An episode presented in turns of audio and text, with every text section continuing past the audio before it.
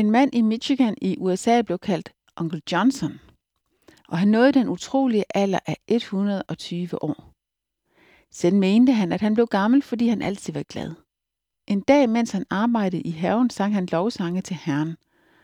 Præsten gik forbi, kiggede over hegnet og sagde, Onkel Johnson, det virker som om du er meget glad i dag. Ja, jeg tænkte blot på noget, sagde den gamle. Hvad tænkte du på? spurgte præsten.